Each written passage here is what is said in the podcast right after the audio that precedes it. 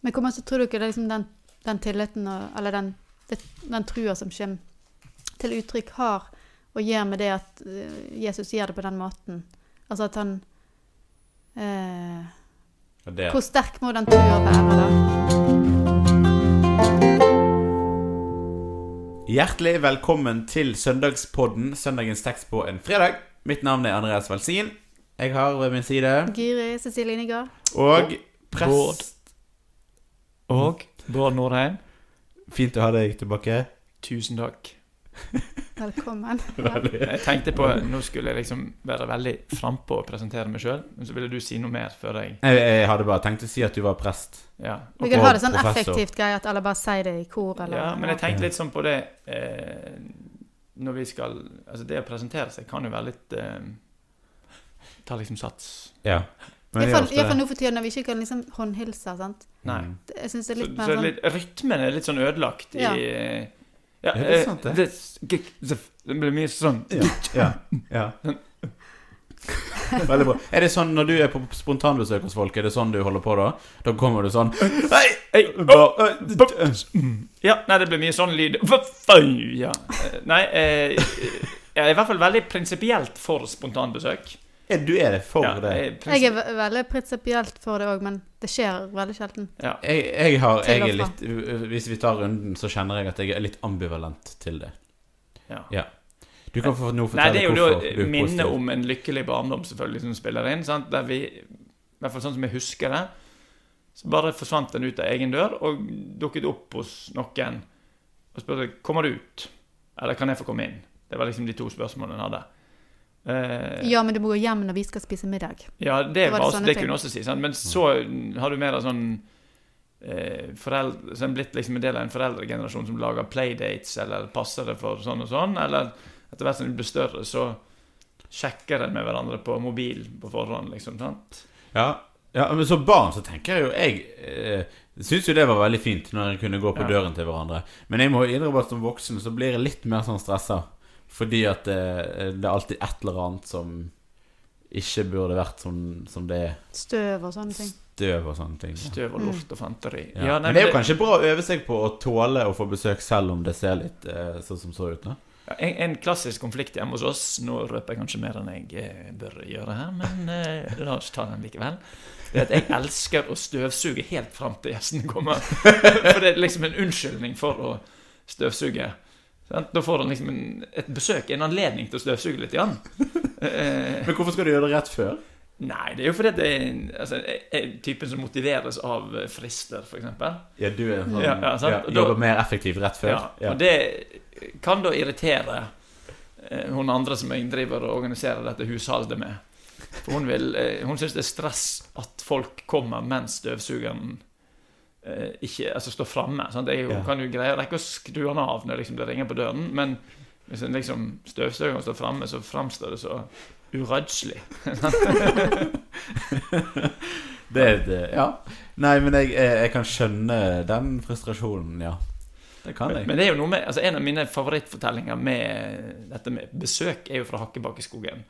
Og det, da er jo besøk koblet til en slags eh, eh, omvendelse, vil jeg nesten si. Altså det er Mikkel Rev som da går fra å være kjøtteter til å bli Planteter. planteeter, eventuelt eh, Jeg vet ikke om han ble veganer, men han, i hvert fall ble han eh, Han åt ingenting i skogen, det var vel det som var poenget. Han kunne gå til gården. han kunne, Det kunne han, for det var liksom bearbeidet. Kunne han egentlig det? Eh, Ja, for loven sa ingenting om det, Nei, faktisk, nei, så en det var greit. Tøye Ja. på. Ja. Men da, da, da visste han ikke. Da var han sulten og eh, Mm. utilfreds, liksom. Og så møtte han vel eh, Var det ikke Morten Klatremus, tror jeg. Ja, klatremus var det kanskje han møtte. Klatremus var veldig god på Ja, det var klatremus han møtte. Sant? Og så sier han eh, eh, at han Men gå på besøk, da, Mikkel, sier liksom klatremus. Så sier denne Jeg vet ikke hvordan man gjør når man går på besøk.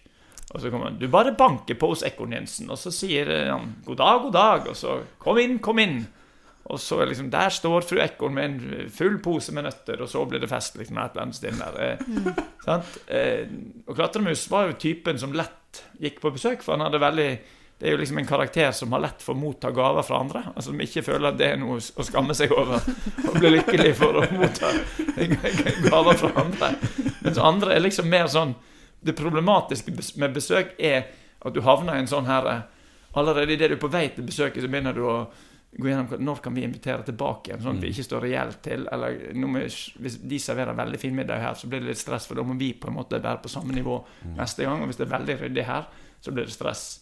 Sant? Eh, Et sånn besøksregime er jo ganske slitsomt å holde seg med. Da bør en eh, Men det er derfor folk ikke går på besøk. Jeg kan lure på det. Sant? Om folk ikke går på besøk fordi det, det er så mye Så moralen er her det er, ikke, det er ikke besøket som er problemet, men alt det det fører med ja, seg. Moralen er egentlig senk standarden og ta imot spontanbesøk, og bli Mm. spontanbesøker. Ja, nettopp. Bli Ja. litt klatremus. Ja, det tror jeg vi har godt av.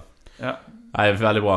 Du, du jeg skal få lov å lese teksten, eh, Gyri. Mm. Den står i Matteus. Da Jesus gikk inn i Kapernaum, kom en offiser til ham og ba om hjelp. Herre, sa han, tjenestegutten min ligger lam hjemme og har store smerter. Jesus sa, Jeg skal komme og helbrede ham. Offiseren svarte, Herre, jeg er ikke verdig til at du kommer inn under mitt tak, men si bare et ord, så vil tjenestegutten min bli helbredet. For jeg står selv under kommando og har soldater under meg. Sier jeg til en, gå, så går han, og til en annen, kom, så kommer han. Og til min tjener, gjør dette, så gjør han det. Jesus undret seg da han hørte dette, og han sa til den som fulgte ham, sannelig, jeg sier dere, en slik tro har jeg ikke funnet hos noen i Israel. Det sier jeg dere, mange skal komme fra øst og fra vest, og sitte til bords med Abraham og Isak og Jakob i himmelriket. Men rikets barn skal kastes ut i mørket utenfor, der de gråter og skjærer tenner. Til offiseren sa Jesus, Gå, det skal skje slik du trodde. Og tjenestegutten ble frisk i samme stund. Veldig fin eh, fortelling, egentlig, dette med at Jesus helbreder denne lamme eh, tjenestegutten. Eh, jeg la merke til i begynnelsen, så, så Jesus er veldig direkte. At han bare Ja, jeg kommer hjem og besøker deg, og jeg skal helbrede han. Han gir liksom beskjed på hva han skal gjøre på forhånd. Eh, Ja, det var jo en veldig sånn ja. kjapp eh, eh, på å oppfatte dette som en invitasjon til å komme hjem. Sant? Altså det, Mm. han er, det er en Jesus på tilbudssiden vi har med å gjøre her, for å si det sånn. Ja, Mm. veldig. Ja, og også Ja. Rett på, som du sier. Mm. Det jeg fascineres over i denne teksten her, det er eh, da svaret fra denne offiseren. Altså, når Jesus er så direkte, så var det jo ikke noen grunn for offiseren til å tenke at han ikke har lyst til å komme dit. Mm. Men så sier han da rett ut at eh, Herre, jeg er ikke verdig til at du kommer inn under mitt tak. Mm. Det er nå én ting, men så neste setning eh, kanskje enda mer interessant. Men si bare ett ord, så vet jeg at tjenestegutten min blir frisk. Eh, det er interessant for min del at akkurat disse ordene, de, eh, de hører jeg eh, de, de klinger plutselig på estisk i mitt hode, fordi i den estiske kirke som, eh, som vi har jobbet i, og som vi har bodd i Estland, så er dette en del av nattverdliturgien. Og det er en, et sånn tilsvar omtrent samtidig med Agnus Dei og Du Guds lam, der, vi, der menigheten svarer I San mai ole vært, et mo jorde tolek sa, utlevai duksainussena, ja mo tervek sisab. Ja, sånn eh, høres det ut. I, Og det betyr? Ja, det betyr eh, Herre, jeg er ikke verdig at eh, Det er det som står der, da. Men Ja. eh, bortsett tjenestegutten er ut, byttet ut med sjel. Mm. Og da er det som et tilsvar til altså denne det, en, en forståelse av det Gud har å komme med altså hos den offiseren, den troen som kommer til uttrykk der, er så stor at eh, den, Eller den eh, avslører en så stor tillit til Guds ords kraft. Det er det som er Det er det Jesus priser da videre i teksten, når han sier at eh, Sannelig sier dere, jeg har ikke, ikke hos noen i Israel har jeg funnet en slik tro. Så tenker jeg det er denne enorme tilliten, eller i hvert fall sånn Jesus framstiller da, hos offiseren, den enorme tilliten til eh, ordets kraft. Det kan jo være at offiseren mer var tenkt i sånn, kun i militære termer, at det var en sånn slags kommandosak. Mm. men eh, når Jesus bruker dette som en forkynnelsesanledning, så er det for å vise fram dette som et uttrykk for eh, tillit til eh, Guds ords kraft. Jeg, for jeg ble veldig fascinert av, av eh, av denne offiseren som eh, som, som klarer oss å, å tro så sterkt på Jesu under at bare han sier det, så tror han at det skjer. Eh, veldig mange andre underfortellinger i Bibelen er jo veldig knytta til fysiske ting. Altså at han har tatt på et et menneske, eller med disse spytt- og, og leirefortellingene. Mm. Eh, men her er det jo her er det jo bare ordet, at han blir frisk, Mm. som, som er nok, da.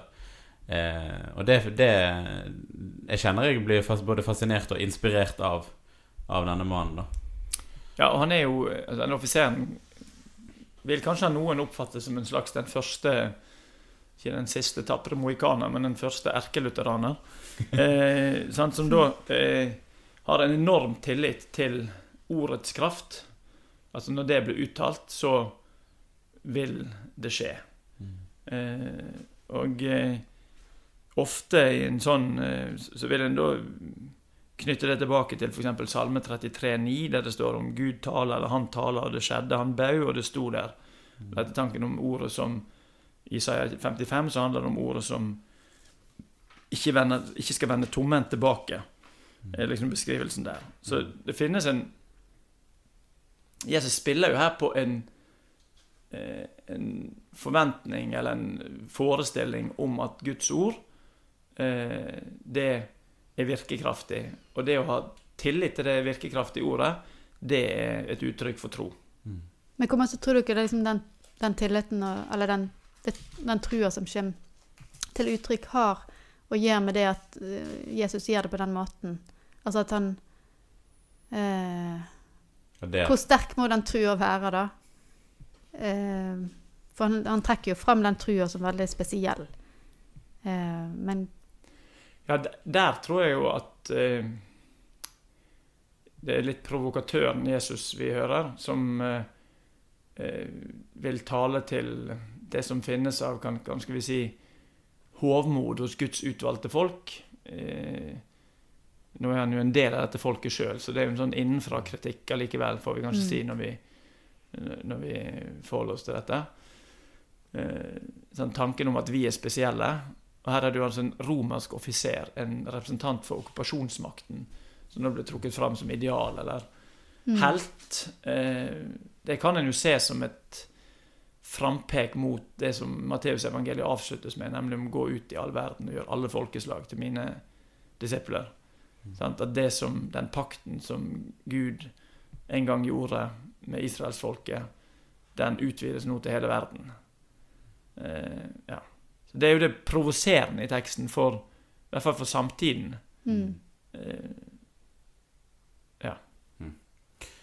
kanskje, et, eh, kanskje dette er et spørsmål som, som går litt sånn uten, utenfor eh, akkurat denne teksten, også. Men, men jeg har tenkt på det noen ganger når, når han bruker eh, at det står altså 'din tro har frelst deg', eller her her òg, altså det er troen hans som eh, Er det Hvor viktig er det for Jesus eh, med tro og, og under så tett knytta sammen, da? ja. Eh, Eh, hele disse, altså hele denne delen av Matteusevangeliet er jo liksom en opplistning av underfortelling. Og rett etterpå her så hører vi om en litt sånn et hverdagslig under, om man kan si det sånn. Han, Jesus kommer da så endelig på besøk. Eh, ikke til Ekorn Jensen, men til eh, Peter og Peters svigermor. Eh, og hun hadde feber. Og så står det at han rørte ved hånden hennes, og da ga feberen seg. Hun sto opp og var flaks da tjente han, så det var jo greit å få henne på beina, sånn at de kunne få, få en, Alltid greit å få svigermor på beina, så han får litt skikkelig mat. men, men Og i forkant her så er det en spedalsk mann. Så, så jeg tenker at eh, I hvert fall hvis vi zoomer litt ut, så hører disse fortellingene om tro og under sammen på den måten at Jesus som det levende Gudsordet eh, kan helbrede, og det første og viktigste som helbredes, er vår sjel. Så det skapes tro. Eh, og så tenker jeg de andre fortellingene er underfortellinger om både hvordan naturens krefter lyder han, og hvordan sykdom helbredes.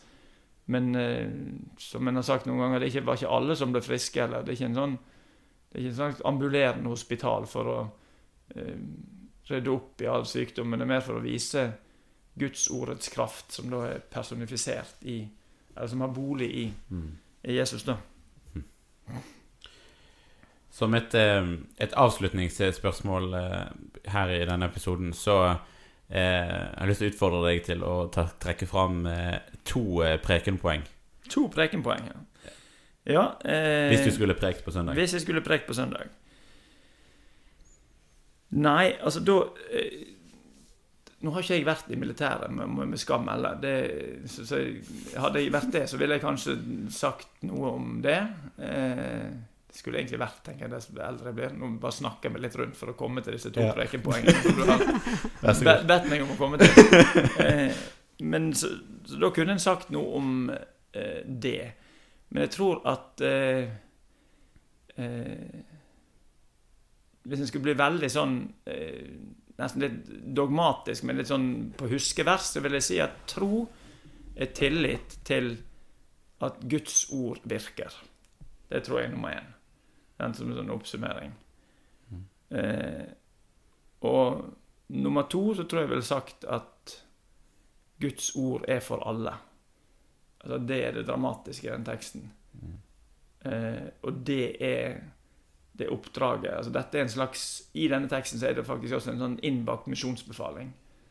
Eh, og en, kanskje hvis jeg skulle snike inn et tredje poeng, Ja, eh, så er det at eh, Det er lettest å si på engelsk. Jeg vet ikke hvordan det høres ut på norsk, norsk men eh, Look for God in unexpected places. Altså Her kommer troen fra den romerske offiseren og okkupasjonsmakten.